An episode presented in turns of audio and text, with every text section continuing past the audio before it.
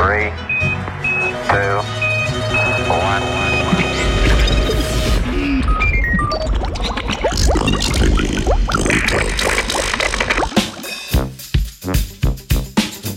Kateri čaj pa fermentiraš ti? V reviji Journal of Food Science and Technology so avtori in avtorice iz turške burse objavili članek, v katerem so predstavili izsledke raziskave vpliva vrste čaja na antioksidativne lastnosti in dostopnost bioaktivnih komponent fermentiranega napitka imenovanega kombuča.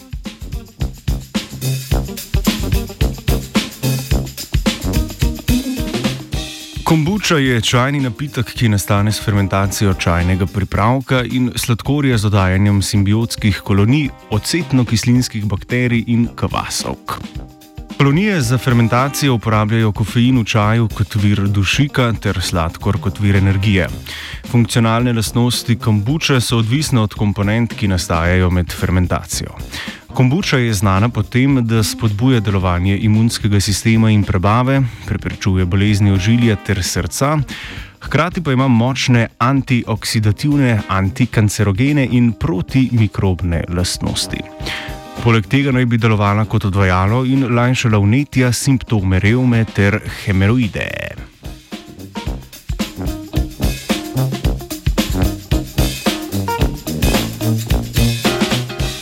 Čaj so obrani in procesirani listi rastline imenovane Camellia sinensis. Vrsto čaja pridobimo z različno dolgo encimsko oksidacijo. Črni čaj in čaj ulung sta podvržena oksidaciji, beli in zeleni čaj pa ne. Pri čaju puerh pa so listi naknadno fermentirani z mikroorganizmi. Tako so funkcionalne lastnosti kombuče odvisne od vsebnosti bioaktivnih komponent, vrste čaja, ki ga uporabimo za njeno pripravo, in pogojev, pri katerih se odvija fermentacija.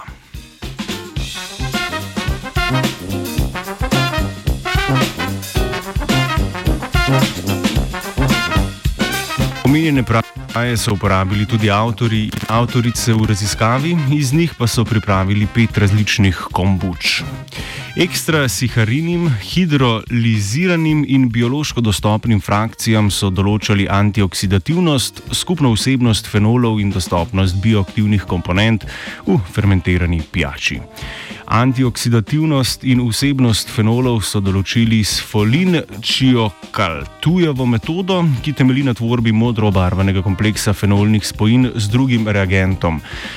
Spektrofotometrično metodo ABTS in metodo Kuprak.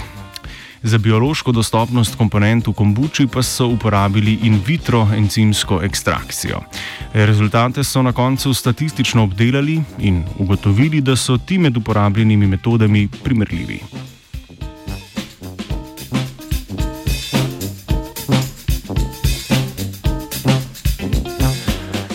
Dognali so, da je fermentacija povečala delež fenolov, ene izmed najpomembnejših komponent v čaju. Fenoli so znani po svojem močnem antioksidativnem potencialu in vplivajo na njegov grenak priokus. Zaradi fermentacije se biološka razpoložljivost bioaktivnih komponent kombuče poveča za od 30 do 5 oziroma 58 odstotkov glede na vrsto uporabljenega čaja. V omenjeni raziskavi se je biološka razpoložljivost komponent najbolj povečala pri kombuči iz belega čaja in čaja Pu-Erh. Ker pa je čaj zelo raznolik produkt, se lahko te vrednosti hitro spremenijo.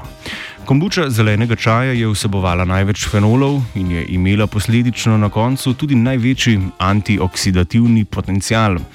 A na najvišji ravni ostane samo prvih 14 dni po končani fermentaciji. Potem začne zaradi nestabilnosti molekul padati in zato priporočajo uživanje kombuče čim prej po končani fermentaciji.